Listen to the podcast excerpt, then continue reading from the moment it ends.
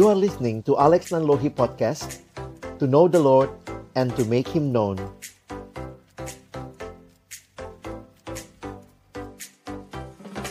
Kami datang dalam ucapan syukur kepadamu ya Tuhan. Terima kasih untuk kesempatan Tuhan boleh memberikan kepada kami waktu untuk bersama-sama belajar kebenaran firman-Mu. Kami yang rindu Tuhan kembali menyapa kami. Kami mohon ya Tuhan, ketika kami membuka firman-Mu, bukalah juga hati kami. Jadikanlah hati kami seperti tanah yang baik, supaya ketika benih firman-Mu ditaburkan itu boleh sungguh-sungguh berakar bertumbuh dan juga berbuah nyata di dalam kehidupan kami. Berkati hambamu yang menyampaikan dan semua kami yang mendengar, Tuhan tolonglah kami semua. Agar kami bukan hanya jadi pendengar-pendengar firman yang setia, tapi mampukan dengan kuasa dan pertolongan dari rohmu yang kudus, kami dimampukan menjadi pelaku-pelaku firman-Mu di dalam kehidupan kami, secara khusus di dalam masa muda kami. Bersabdalah ya Tuhan, kami anak-anakmu sedia mendengarnya dalam satu nama yang kudus, nama yang berkuasa, nama Tuhan kami Yesus Kristus. Kami menyerahkan pemberitaan firman-Mu ini. Amin. Shalom teman-teman dan juga eh, kakak-kakak TPS dan juga Bapak Ibu guru yang hari ini hadir bersama-sama kita boleh bersyukur karena Tuhan memberikan kesempatan kita beribadah di tengah-tengah apa yang kita sedang bulan ini rayakan ya. Kita merayakan hari kemerdekaan bangsa kita. Nah, bagaimana kita juga bisa mengalami bagaimana kita bisa memaknai kemerdekaan itu sebagai orang-orang percaya itu yang sama-sama kita akan renungkan pada malam hari ini. Tema kita hari ini yaitu Yes, I am free. Ya, saya bebas. Nah teman-teman, Kak Alex ingin mulai dengan sebuah cerita. Ini ceritanya bukan cerita dari sesuatu yang tidak terjadi ya. Tapi ini cerita yang saya sendiri alami dengan percakapan dengan seorang teman ya. Ada seorang teman, dia juga staff waktu itu di Perkantas dan dia seorang adik yang lebih muda dari saya. Nah, dia itu kos teman-teman ya. Dia melayani di Jakarta sama saya, tapi dia orang tuanya di daerah. Jadi dia kos, lalu di kosan itu biasa ya, anak kos itu biar nggak sepi mungkin ya. Dia pelihara ikan mas. Dan dia pelihara dalam sebuah akuarium kecil yang dia beli Lalu di dalamnya ada beberapa ekor ikan mas yang dia pelihara. Nah, satu pagi waktu kami datang, dia datang ke kantor, saya juga pas datang. Lalu kemudian di dalam kita lagi duduk, lagi cerita, tiba-tiba dia bilang begini, Kak Alex, Kak Alex, Kak Alex tahu nggak? Saya bilang, kenapa? Kak, tadi malam ikan mas saya bunuh diri. Wah, kita kaget juga ya, kita ketawa-ketawa. Terus saya tanya sama dia, maksudmu apa? Terus kemudian dia cerita ya, bahwa ternyata waktu dia bangun pagi-pagi, dia menemukan ada dua ekor ikan mas yang lompat keluar dari air ya ada ikan mas dua ekor ya saya nggak ketemu gambar yang dua ekor ini satu ekor aja jadi ternyata pagi hari dia sudah melihat ada dua ekor ikan mas yang mati di atas karpet di kamarnya Wah, kami kemudian coba bahas-bahas lucu-lucuan ya. Terus kita bilang ini mungkin ya berdua karena tidak disetujui cintanya sama orang tua ya. Lalu kemudian kita ketawa-ketawa tapi kemudian akhirnya kami sadar. Iya ya. Apa sih kebebasan yang sejati itu? Coba teman-teman pikir, ikan mas ini bebasnya di mana? Di dalam air atau di luar air? Wah, waktu merenungkan akan itu ya, sebenarnya di luar lebih luas ya. Masa akuariumnya kan cuma kecil begitu. Coba kalau di luar kan ikan masnya dia lompat, misalnya dia ikan reformasi ya. Saya ikan reformasi, saya tidak lahir di masa lalu. Wah, dia lompat keluar. Tapi begitu seekor ikan keluar dari air, mungkin di luar dia bisa bebas beberapa saat. Dia menggelepar-gelepar begitu ya. Wah, bebas. Nah, ini ikan reformasi. Tetapi Begitu dia akhirnya MPP. Mati pelan-pelan. Jadi kesimpulan kami pagi itu bahwa ikan mas paling butuh air. Kebebasan sejatinya itu di dalam air. Demikian juga teman-teman. Di mana sebenarnya kemerdekaan kita? Apakah kemerdekaan kita itu dapatnya di luar Tuhan atau di dalam Tuhan? Kak Alex suka nanya sama anak-anak Tuhan. Ya, banyak ngaku Kristen gitu tuh saya tanya. Eh, jadi anak Tuhan enak apa tidak? Bingung semua jawabnya. Apa ya? Enak atau tidak? Coba Kak Alex tanya. Banyak kan bolehnya atau nggak bolehnya jadi anak Tuhan? Banyak kan nggak bolehnya, Kak. Nah, kalau begitu enak atau tidak? Uh, uh, nah, me, me, bingung jawabnya ya. Tetapi teman-temanku, adik-adikku sekalian, justru di dalam banyak yang nggak boleh itu bukannya Tuhan sedang memberikan kepada kita pembatasan. Kok Tuhan jadi hidup anak Tuhan tuh kok nggak enak? Tidak. Teman-teman ingat baik-baik. Kebebasan sejati ada di dalam Tuhan, bukan di luar Tuhan. Banyak orang berpikir, kalau saya bebas, saya merdeka, berarti saya tidak punya batasan. Teman-teman perhatikan, ini apa yang saya temukan dari berbagai pengalaman hidup dan kesimpulan tentang kemerdekaan. Jadi, kemerdekaan mutlak atau kemerdekaan tanpa batas. Kalau kamu mau, saya mau merdeka tanpa batas. Itu sebuah pemikiran yang salah. Nggak ada itu. Sebagaimana ikan tadi, ikan itu bebasnya terikat kepada air. Maka waktu manusia dicipta Allah, manusia bebas nggak? Bebas. Tetapi bebas untuk melakukan apa yang Allah kehendaki. Karena itulah kemerdekaan yang sejati. Coba bayangkan, kalau kamu punya orang tua yang tidak kasih batasan, semua boleh. Ma, pak, mau pukul temen, boleh nak, silahkan. Bapak, mama, mau pukul guru, silahkan. Kalau kau punya orang tua kayak begitu, itu pasti bukan orang tua yang baik. Kebebasan itu selalu ada batasnya. Jadi, ketika kita berbicara kebebasan, kemerdekaan, kita tidak sedang berbicara melakukan apa yang kita mau, melakukan semua yang saya mau, tetapi kita bicara tentang apa yang Tuhan mau. Nah, masalahnya tadi pertanyaannya ya, bagaimana kalau ternyata kita sudah terikat? Banyak sekali yang menjadi keterikatan kita. Bagaimana melepaskan diri dari keterikatan? Alkitab mengatakan dengan jelas supaya kita sungguh-sungguh merdeka. Kristus telah memerdekakan kita. Siapa teman-teman? Kristus. Yesus. Galatia 5 ayat 1 dan diulang lagi atau mungkin bukan diulang kalau lihat urutannya kan Yohanes duluan ya. Di dalam Yohanes Yesus berkata, "Jadi apabila anak itu memerdekakan kamu, kamu pun benar-benar merdeka." Teman-teman yang dikasihi Tuhan, lihat baik-baik ya. Hidup seperti apakah yang engkau dan saya sedang jalani?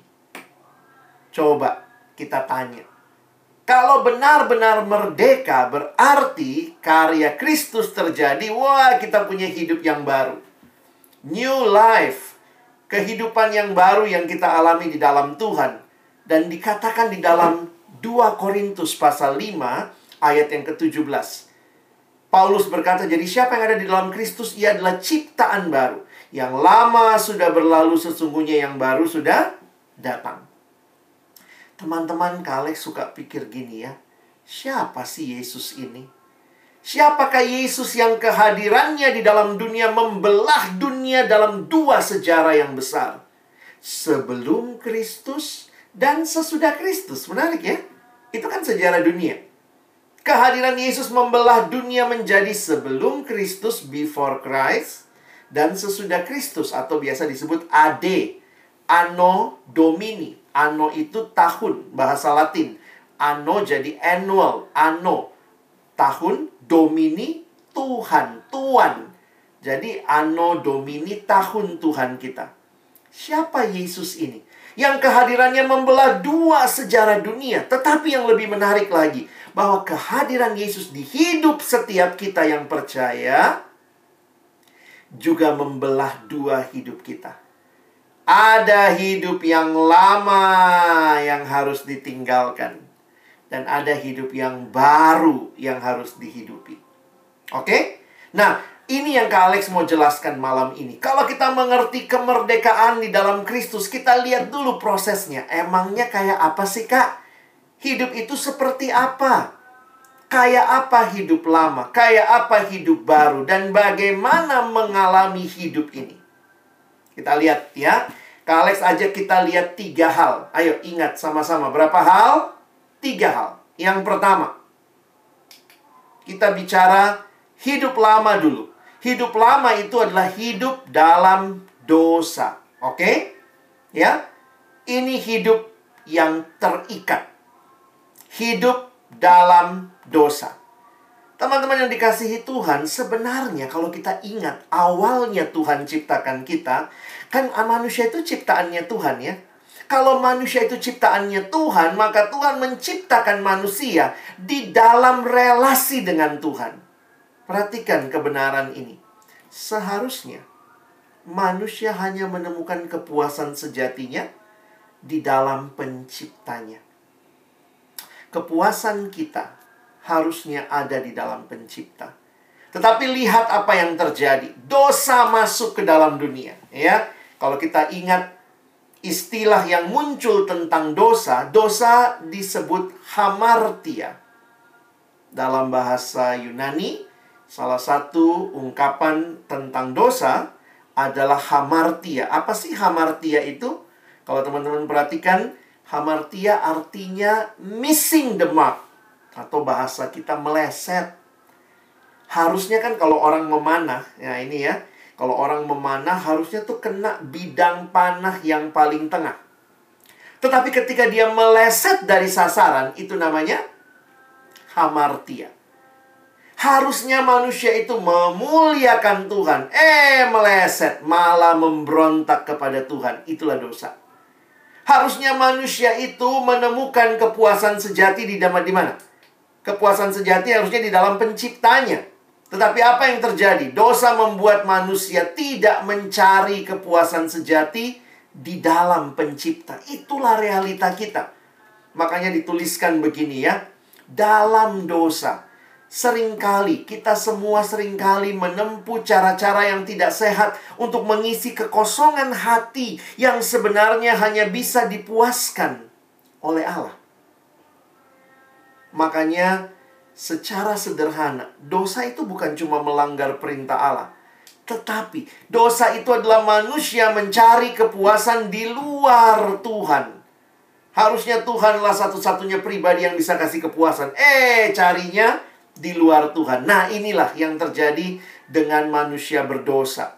Karena itu seorang teolog bernama John Piper John Piper memberikan definisi dosa dengan sederhana dia mengatakan dosa, sin is what you do when your heart is not satisfied with God. Dosa adalah apa yang engkau lakukan ketika hatimu tidak puas dengan Allah.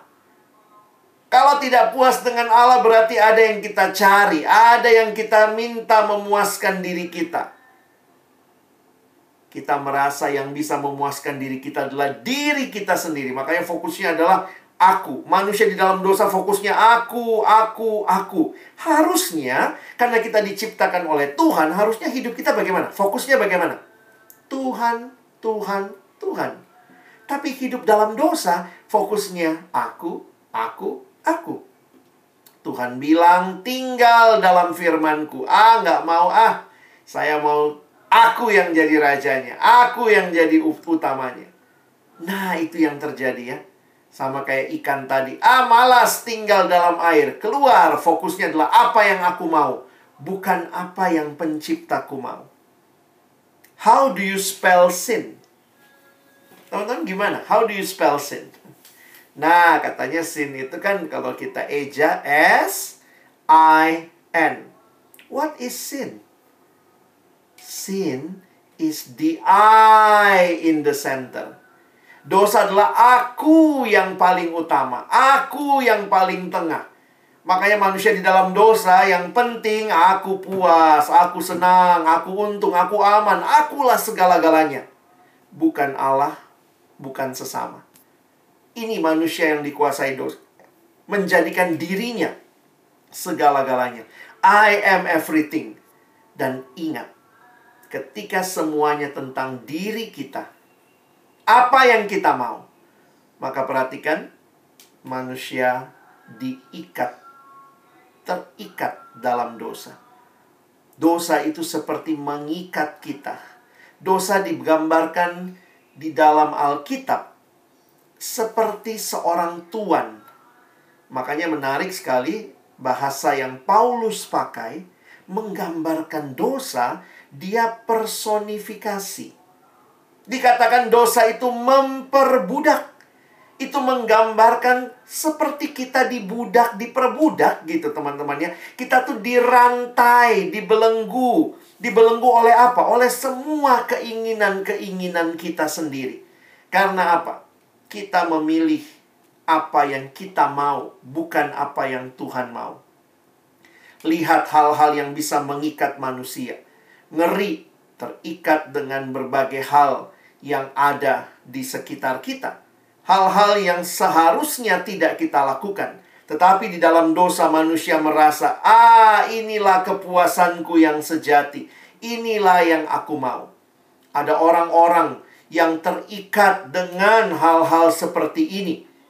Ada juga orang-orang yang terikat dengan rokok, terikat dengan judi, terikat dengan narkoba, minuman keras. Oh, banyak termasuk anak-anak Tuhan, katanya anak Tuhan, tapi kelakuan jauh dari memuliakan Tuhan. Mulai SMA, mulai coba-coba rokok gitu ya. Kadang-kadang kalau kalian jadi Tuhan, coba bayangkan jadi Tuhan ya. Kita itu mempermainkan dia tanpa kita sadari. Doanya gitu, Tuhan, kasih saya kesehatan tapi rokok jalan terus. Gimana caranya? Jangan mempermainkan Tuhan. Jangan minta sesuatu yang engkau sendiri sebenarnya tidak pernah sungguh-sungguh menghidupinya. Tapi masa-masa kini, teman-teman, yang mengikat kita itu kadang-kadang bukan cuma hal yang buruk. Kalau hal yang buruk kita udah tahu lah ya, ini ya nggak boleh gitu ya. Tetapi di masa kini, waktu melihat hal-hal yang mengikat generasi ini, Oh banyak juga loh yang diikat oleh hal-hal yang tanda kutip baik. Coba lihat, ini contohnya ya. Ini baik nggak? Yang kalian lihat, HP itu baik. Sekarang kita sekolah pakai HP, pakai laptop gitu ya, ada internetnya. Kita kebaktian pakai HP. Tetapi HP ini juga bisa begitu rupa mengikat kita. Ketika ini menjadi segala-galanya, mulai marah kalau uring-uringan gitu ya, kalau HP-nya mati begitu. Itulah realitanya anak-anak zaman sekarang. Yang di yang mengikat, yang dianggap mengikat adalah ini gadget gitu ya. Sampai kayaknya nggak bisa pisah dari gadget. Dulu memang orang tua kayak batasi, sekarang juga mau bagaimana? Belajar pun harus pakai gadget. Tetapi lihat dengan gadget yang harusnya dipakai membuat orang pintar, makanya kan namanya smartphone. Tapi banyak yang nggak smart, ya. Nonton berjam-jam begitu ya, akses-akses yang nggak bener gitu. Jadi punya HP, punya. Tapi nggak smart gitu ya. Jadi hati-hati. Ini hal-hal yang harus kalian waspadai. Karena generasi kalian sering kali kalau Kak tadi bilang, wah diikat oleh narkoba, oleh apa. Ah, enggak lah Kak, aku anak baik-baik, aku SMA unggulan loh. Tapi jangan-jangan yang mengikat kamu adalah hal-hal baik. Hal baik kalau tidak dipakai dengan baik itu jadi mengikat. Hal baik kalau dijadikan utama jadi segala-galanya itu mengikat. Jadi begini teman-teman ya. Hal baik harus jadi baik saja. Jangan jadi utama. Contohnya apa? Contoh ini ya, kayak HP. HP itu baik. Tapi kalau HP segala-galanya, HP jadi terutama. Apa-apa HP semua, akhirnya nggak pernah naruh HP. Selalu dibelenggu sama HP. Kamu nggak ngobrol, orang tua ngomong juga non liatnya HP. Nggak peduli, begitu. HP jadi terutama. HP itu baik. Jadikan sebagai hal yang baik. Bukan hal yang utama. Contoh lagi. Belanja Oh belanja ini bisa mengikat juga. Belanja baik nggak? Ya baik lah ya kalau kita memang butuh barangnya. Tetapi ketika kita diikat oleh belanja, belanja menjadi utama. Apalagi sekarang gampang sekali e-commerce, kalian tinggal klik. Banyak orang beli barang yang dia nggak butuh. Ini apa? Ini keterikatan. Orang yang terikat, perhatikan kalimat Kak Alex. Kalau kamu mau tahu saya ini masih terikat atau sudah bebas, kalian cari tahu dalam dirimu.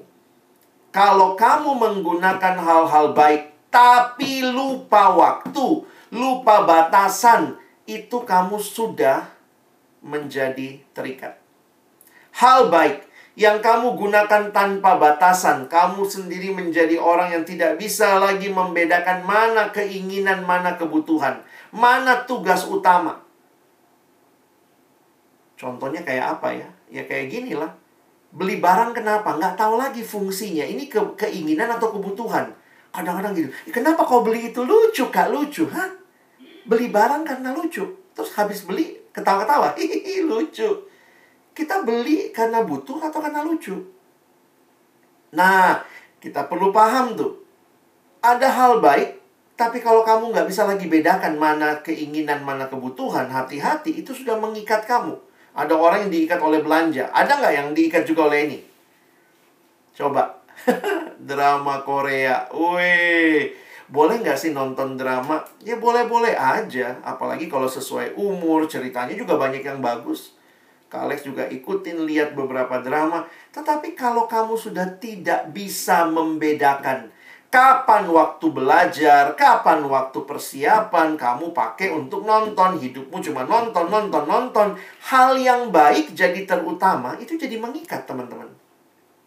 Oh, banyak drama-drama yang bagus, kalian bisa cek gitu ya. Ini beberapa yang orang tonton gitu ya. Kalian coba lihat, oh begitu ya. Ada ada hal-hal yang bagus, nilai-nilai yang bisa kita pelajari. Tetapi kalau drama ini jadi segala-galanya, jam belajar pakai nonton, itu berarti kamu sudah terikat. Kamu tidak bisa membedakan mana yang prioritas, mana yang harusnya selanjutnya. Mungkin kau bilang, ah kak, itulah cewek-cewek itu. Saya emang nggak ada drama-drama. Mungkin ini yang mengikat kamu. Kamu sedang diikat oleh game online. Sama. Prinsipnya apa? Mengikat. Kau nggak bisa lagi bedakan kapan harus makan, kapan harus istirahat. Begitu kecanduan, game jadi segala-galanya. Mobile Legend lah gitu ya.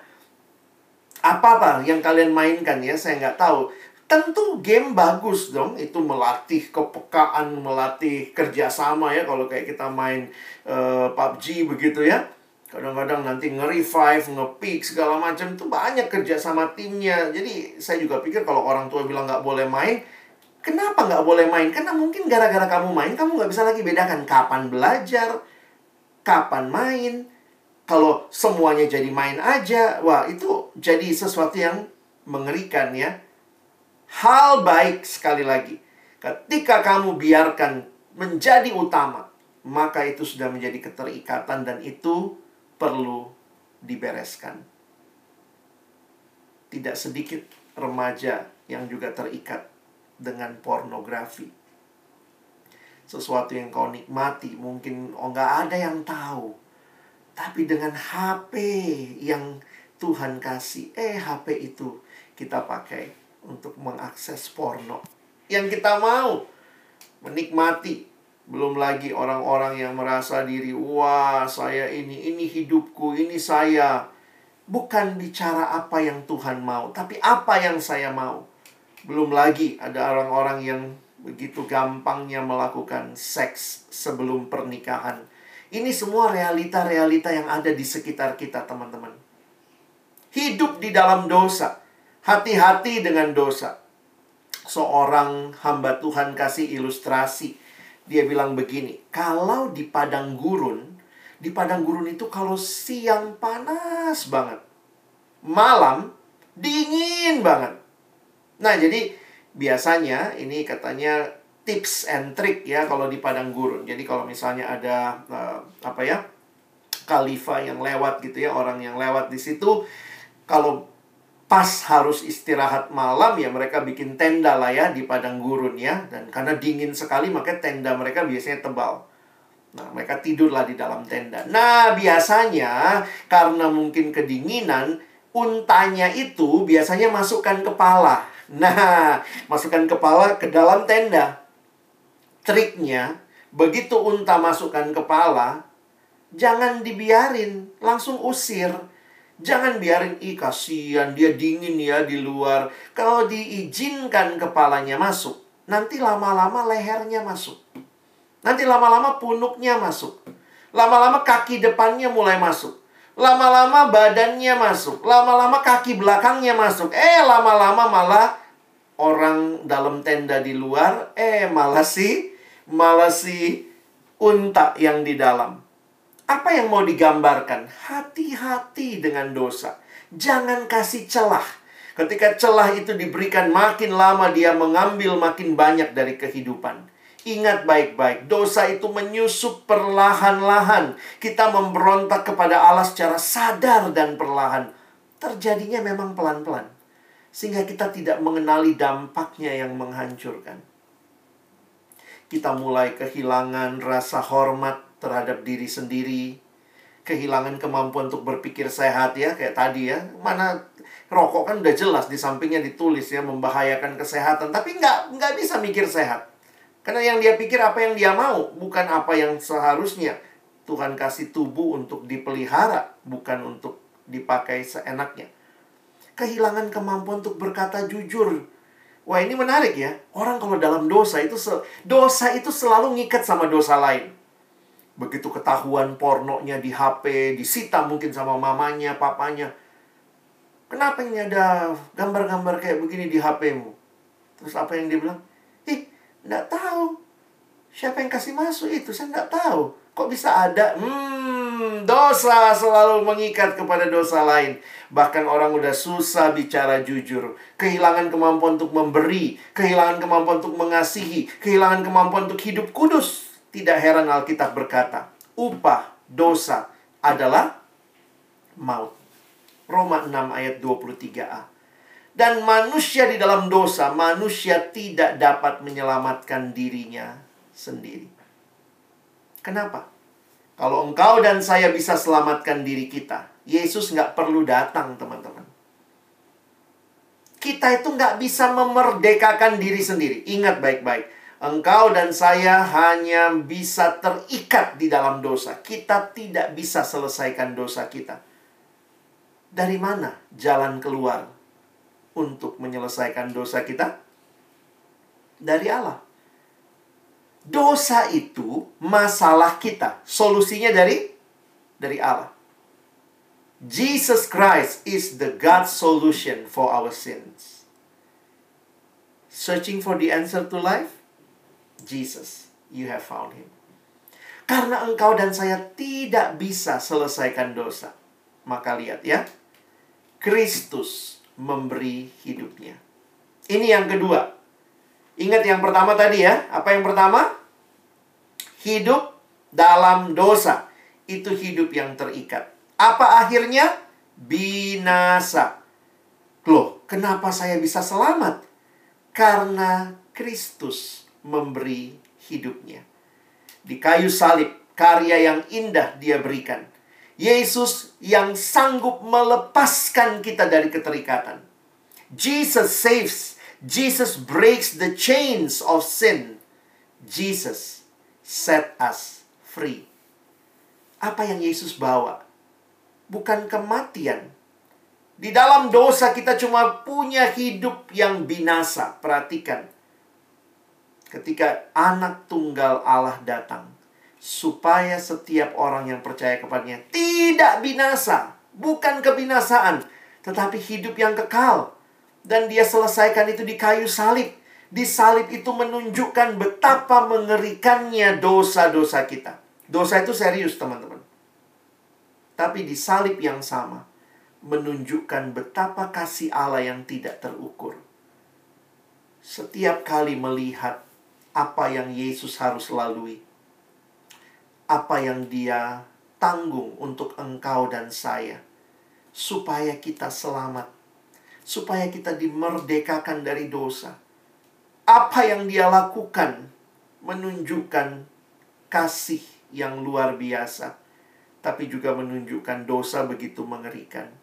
Yesus membayar harga yang sangat mahal untuk penebusan kita. Seorang hamba Tuhan, pendeta Billy Graham berkata, di kayu salib itu ya, Allah membuktikan kasihnya pada kayu salib. Ketika Kristus digantung berdarah dan mati, itulah saatnya Allah berkata kepada dunia, "Aku mencintaimu. I love you." Teolog John Stott bilang gini ya. Kadang-kadang kan kalau kita lihat sekarang cinta itu apa ya? Karena mungkin banyak nonton Korea. Oh, sarang, sarang gitu ya. Wah, sarang semut, sarang tawon gitu ya. John Stott mengatakan kalimat yang sulit diterjemahkan karena ini ada permainan kata dalam bahasa Inggris ya. If we are looking for a definition of love, we should look not in a dictionary, but at Calvary. Kalau kita mau cari tahu apa itu definisi kasih, bukan buka kamus, lihat kayu salib, lihat bukit Kalvari di situ Allah menunjukkan kasihnya bagi kita. Tuhan tidak mau engkau dan saya terus menerus diikat dalam dosa. Perhatikan kalimat ke Alex.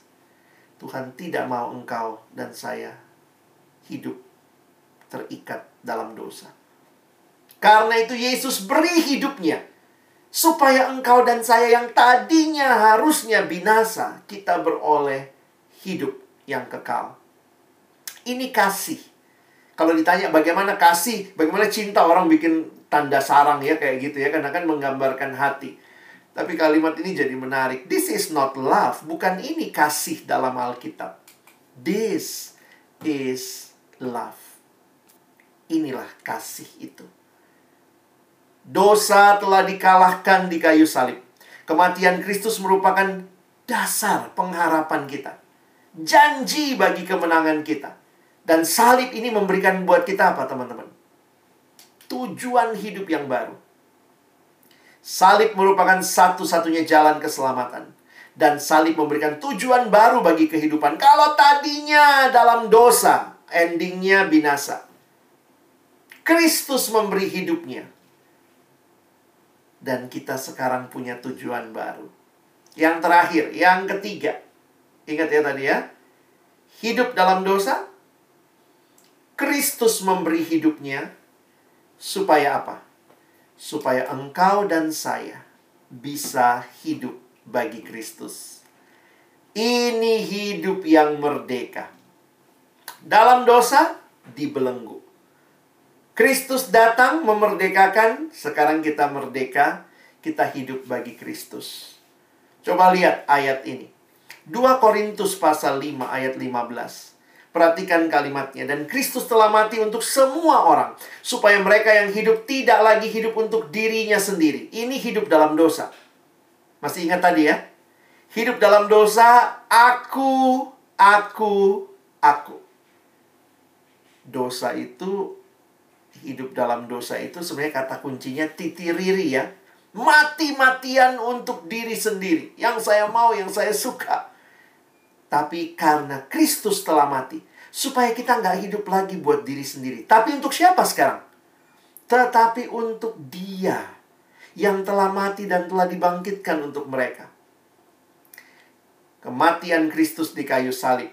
Engkau dan saya telah dibayar lunas. Paulus mengatakan di 1 Korintus 6 ayat 20. Sebab kamu telah dibeli. Harganya telah lunas dibayar. Karena itu. Muliakan Allah dengan tubuhmu. Kadang-kadang ke Alex pikir ya kayak lagu sekolah minggu Kita mesti ingat itu ya Hati-hati gunakan tanganmu Tangan ini untuk apa? Untuk melakukan apa yang Tuhan mau Matamu melihat apa yang Tuhan mau Mulutmu mengatakan apa yang Tuhan mau Sekarang engkau bebas Tapi bebas untuk hidup bagi Allah Set free To live free Apakah berarti tidak ada batas? Enggak. Coba lihat ayat ini. 1 Petrus 2 ayat 16. Hiduplah sebagai orang merdeka. Dan bukan seperti mereka yang menyalahgunakan kemerdekaan itu untuk menyelubungi kejahatan-kejahatan mereka. Tetapi hiduplah sebagai hamba Allah. Kadang-kadang saya bingung ya. Alkitab itu paradoks ya. Kamu sekarang merdeka. Sekarang kamu jadi hamba Allah. Loh, nggak merdeka lagi dong. Katanya merdeka, tapi kok jadi hamba Allah? Menunjukkan bahwa memang saya yang merdeka itu hanya merdeka kalau saya ada di bawah perhambaan Tuhan yang sesungguhnya. Merdeka bukan tanpa batas, tapi terikat jadi hamba Allah.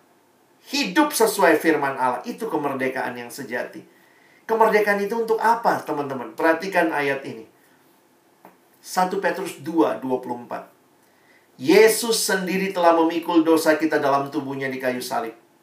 Supaya kita yang telah mati terhadap dosa. Sekarang ngapain? Hidup untuk kebenaran. Oleh bilur-bilurnya kamu telah sembuh.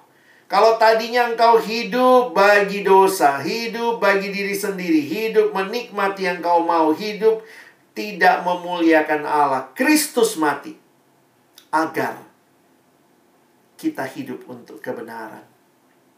Agar kita hidup beda dengan dunia. Tahu ya prinsip ikan ya? Katanya ikan itu seumur hidup teman-teman, dia akan berenang melawan arus. Cuma ikan mati yang ikut arus. Katanya begitu ya. Oh menarik juga nih. Kalau engkau sekarang hidup bagi Allah, jangan ikut apa yang dunia mau. Semua bilang bolos, aduh nggak usah kerjakan tugas, nggak apa-apa lah gurunya ndak lihat ji, dia kan di situ pakai gadget kita sambil main game. Oh ada juga yang belajar begitu ya. Harus kita berbeda dengan dunia. Jadilah anak-anak Tuhan yang menyatakan kemuliaan Tuhan. Mintalah hidup Tuhan berikan aku kemampuan untuk hidup mempermuliakan engkau, bukan mempermalukanmu. Cara belajarmu beda. Kamu sudah orang merdeka sekarang. Bukan orang yang hidup dalam dosa. Kamu sekarang belajarnya terikat pada Kristus, terikat pada kebenaran. Belajar dengan baik, give your best. Cara bergaulmu berbeda. Jangan bergaul dengan cara-cara yang tidak tepat tapi hiduplah bagi Allah. Jadi teman-temanku yang dikasihi Tuhan, kakak-kakak TPS, kakak staff, bapak ibu guru, tiga hal kita sudah pelajari hari ini ya. Bagaimana I am free. Kalau saya bisa berkata yes I am free. Sadari.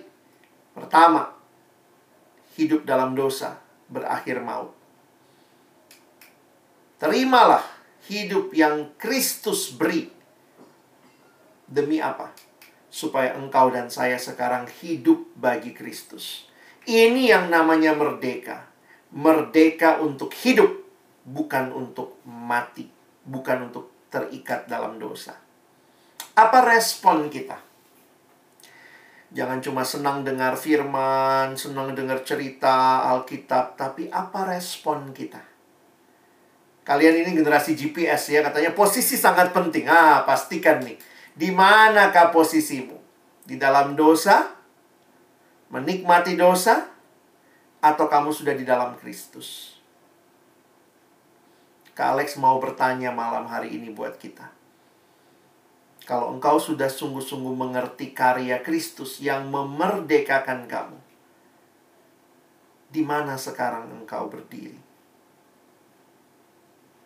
Maukah engkau buka hati terima Yesus dalam hidupmu? Bagi adik-adik yang hari ini berkata, "Tuhan, di sini saya, saya mau buka hatiku. Saya mau terima Engkau ya Yesus sebagai satu-satunya Tuhan dan juru selamat dalam hidupku." Saya awal-awalnya juga bingung, ah, apa sih itu terima Yesus? Saya kan dari kecil Kristen. Tapi ternyata saya Kristen KTP teman-teman ya. Kristen tanpa pertobatan, Kristen tanpa perubahan, Kristen tanpa pertumbuhan, Kristen doang. Tapi saya masih menikmati dosa, masih hidup dalam ketidakbenaran. Apa artinya menerima Yesus? Akhirnya Kak Alex merenungkan dua hal. Tanya sama dirimu, kamu sudah terima Yesus atau belum?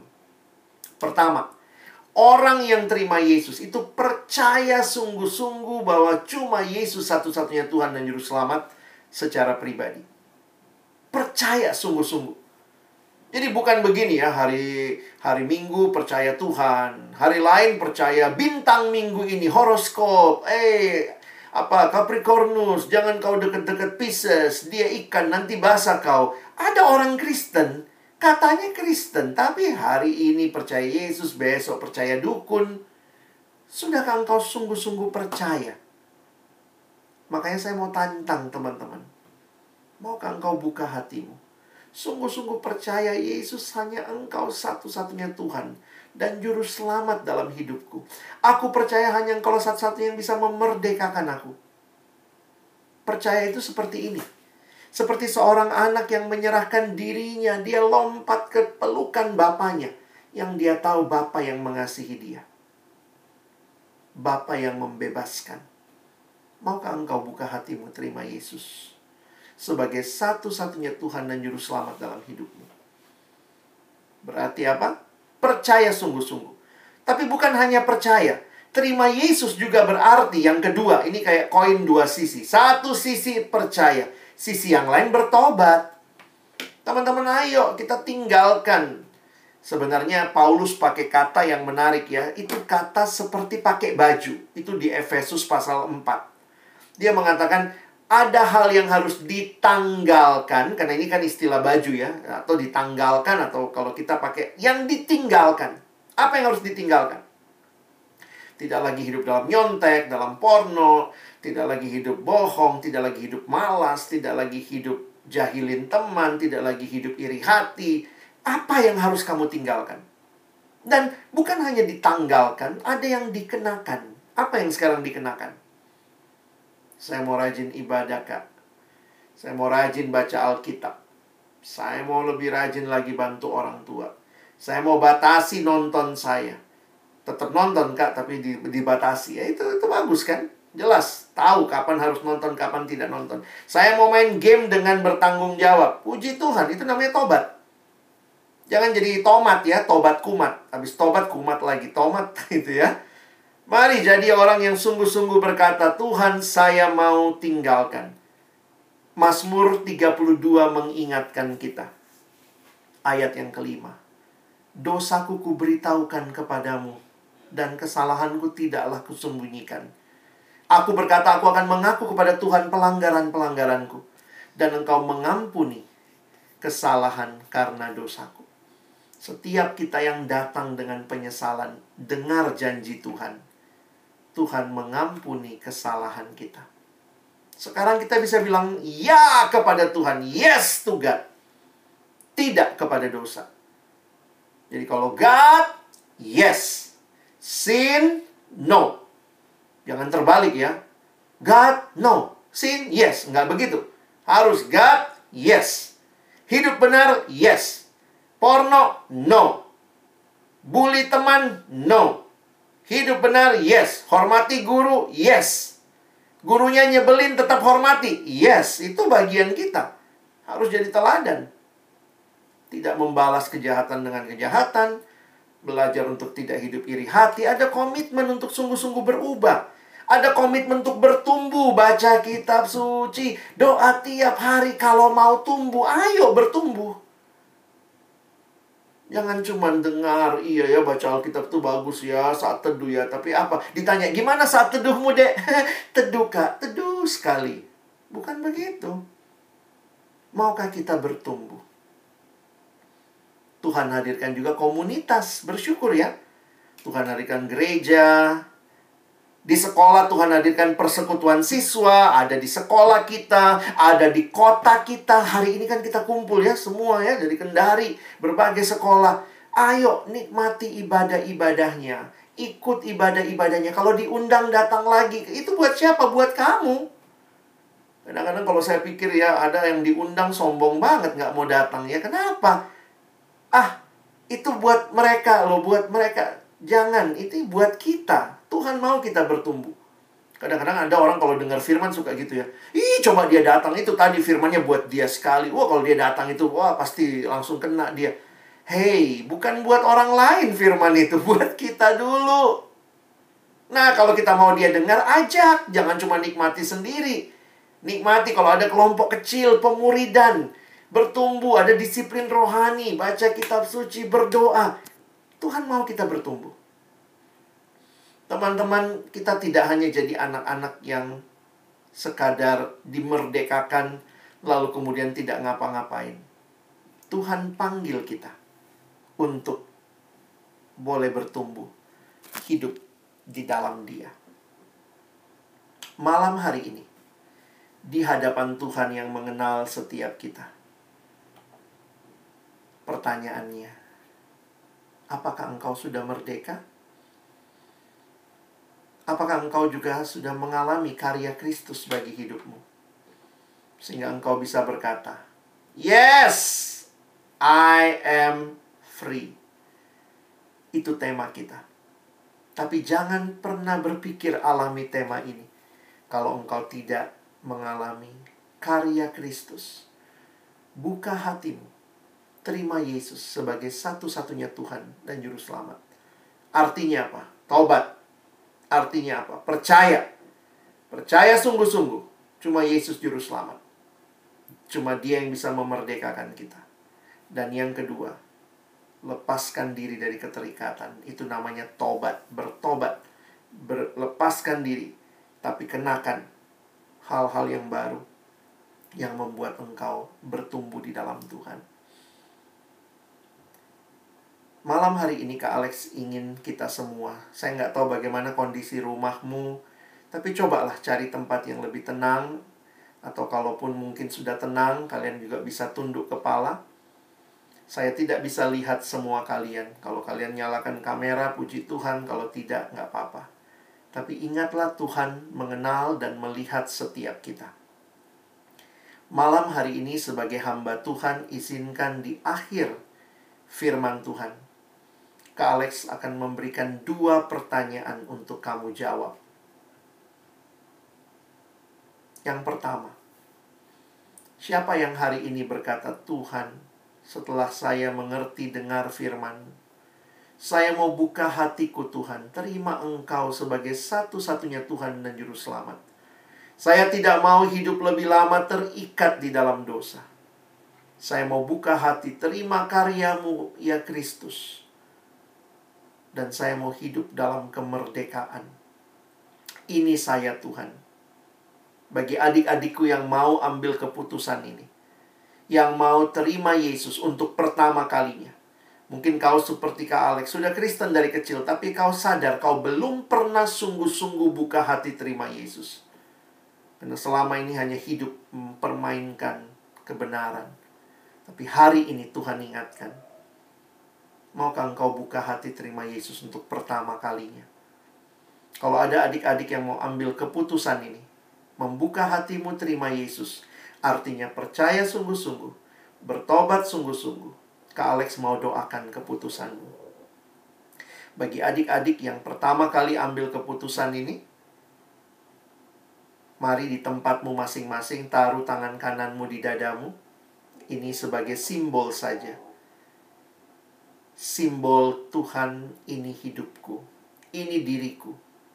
Aku tidak mau hidup lebih lama dalam dosa Aku mau hidup bagimu, dimerdekakan dari dosa. Mari adik-adik yang ambil keputusan terima Yesus malam hari ini. Kak Alex mau doakan keputusanmu. Sekali lagi taruh tangan kananmu di dada dan kita akan berdoa. Tuhan Yesus kau melihat setiap kami. Hambamu terbatas melihat. Tetapi mata Tuhan yang maha tembus itu bukan hanya melihat kami, tapi melihat sampai kedalaman hati kami. Hari ini, hamba menyerahkan adik-adikku yang pertama kalinya buka hati terima Yesus. Tuhan, peganglah mereka milikmu. Tolong mereka untuk menanggalkan dosa dan mengenakan hidup yang baru. Tolong mereka bertumbuh di dalam wadah-wadah yang Tuhan berikan, baik di sekolah, di kota, di gereja. Mereka sungguh-sungguh bertumbuh jadi anak Tuhan yang mengasihi Tuhan. mengasihi sesama. Tuhan tolong teguhkan komitmen ini di hati setiap adik-adikku. Tuhan lihat setiap yang membuka hati terima Yesus malam hari ini. Yang kedua, pertanyaan kedua. Mungkin ada di antara kalian yang sudah pernah terima Yesus. Ini bukan kali pertama kalian mendengar tantangan untuk menerima Yesus. Bahkan mungkin kalian sudah menerima Yesus dalam hidupmu. Tapi seiring dengan berjalannya waktu, kau jatuh lagi dalam hidupmu yang lama, menikmati lagi dosa-dosa yang lama, dan hari ini setelah dengar firman Tuhan, Tuhan saya mau dibaharui sekali lagi. Bagi mereka yang sudah pernah terima Yesus, yang kau butuhkan malam ini adalah pembaharuan Adakah adik-adikku yang berkata, "Di sini saya Tuhan, baharui saya"? Buat adik-adik yang ambil keputusan kedua, kalian sudah pernah terima Yesus, tapi kembali lagi jatuh malam ini, siapa yang berkata, "Tuhan, baharui saya"? Kak Alex juga mau doakan keputusanmu. Sekali lagi buat adik-adik yang mau dibaharui di dalam Tuhan. Taruh tangan kananmu di dadamu sebagai simbol penyerahan dirimu dan kita akan berdoa bersama-sama untuk pembaharuan ini. Mungkin juga kakak-kakak TPS yang sudah pernah terima Yesus sejak siswa, tapi seiring berjalannya waktu juga ada hal-hal yang kamu gagal, kamu menyakiti hati Tuhan, dan hari ini Tuhan beri kesempatan untuk engkau dan saya dibaharui sekali lagi. Mari berdoa. Tuhan berikan kepada kami pemulihan itu. Kami yang sudah menikmati kasih Tuhan, tapi kami yang sadar betapa kuatnya tarikan dunia ini membuat kami mengikutinya dan kembali jatuh dalam hidup yang lama. Tapi malam ini kami sudah dengar firman-Mu. Teguhkan kami, baharui kami Tuhan, untuk kami boleh hidup hanya bagimu supaya melalui kehidupan kami yang sudah mungkin melayani Tuhan, sudah terlibat dalam kepengurusan, menjadi kehidupan yang juga boleh menjadi berkat bagi orang-orang di sekitar kami. Tuhan tolong kami. Bukan cuma jadi pendengar-pendengar firman, tapi sungguh boleh jadi pelaku-pelaku firman. Baharui setiap kami. Kami yang mungkin dulunya punya waktu-waktu saat teduh yang baik, tapi mulai kendor mulai meninggalkan. Kami yang dulunya terbiasa berdoa, terbiasa menikmati ibadah, sekarang mulai bermain-main. Tuhan baharui kami sekali lagi. Dan tolong kami untuk akhirnya boleh hidup bagi kemuliaan Tuhan dan jadi berkat buat sesama. Terima kasih buat malam hari ini. Kami boleh mendengar firman dan meresponinya. Dan sekali lagi bagi mula segala kemuliaan. Di dalam nama Tuhan Yesus, kami bersyukur kami berdoa. Amin.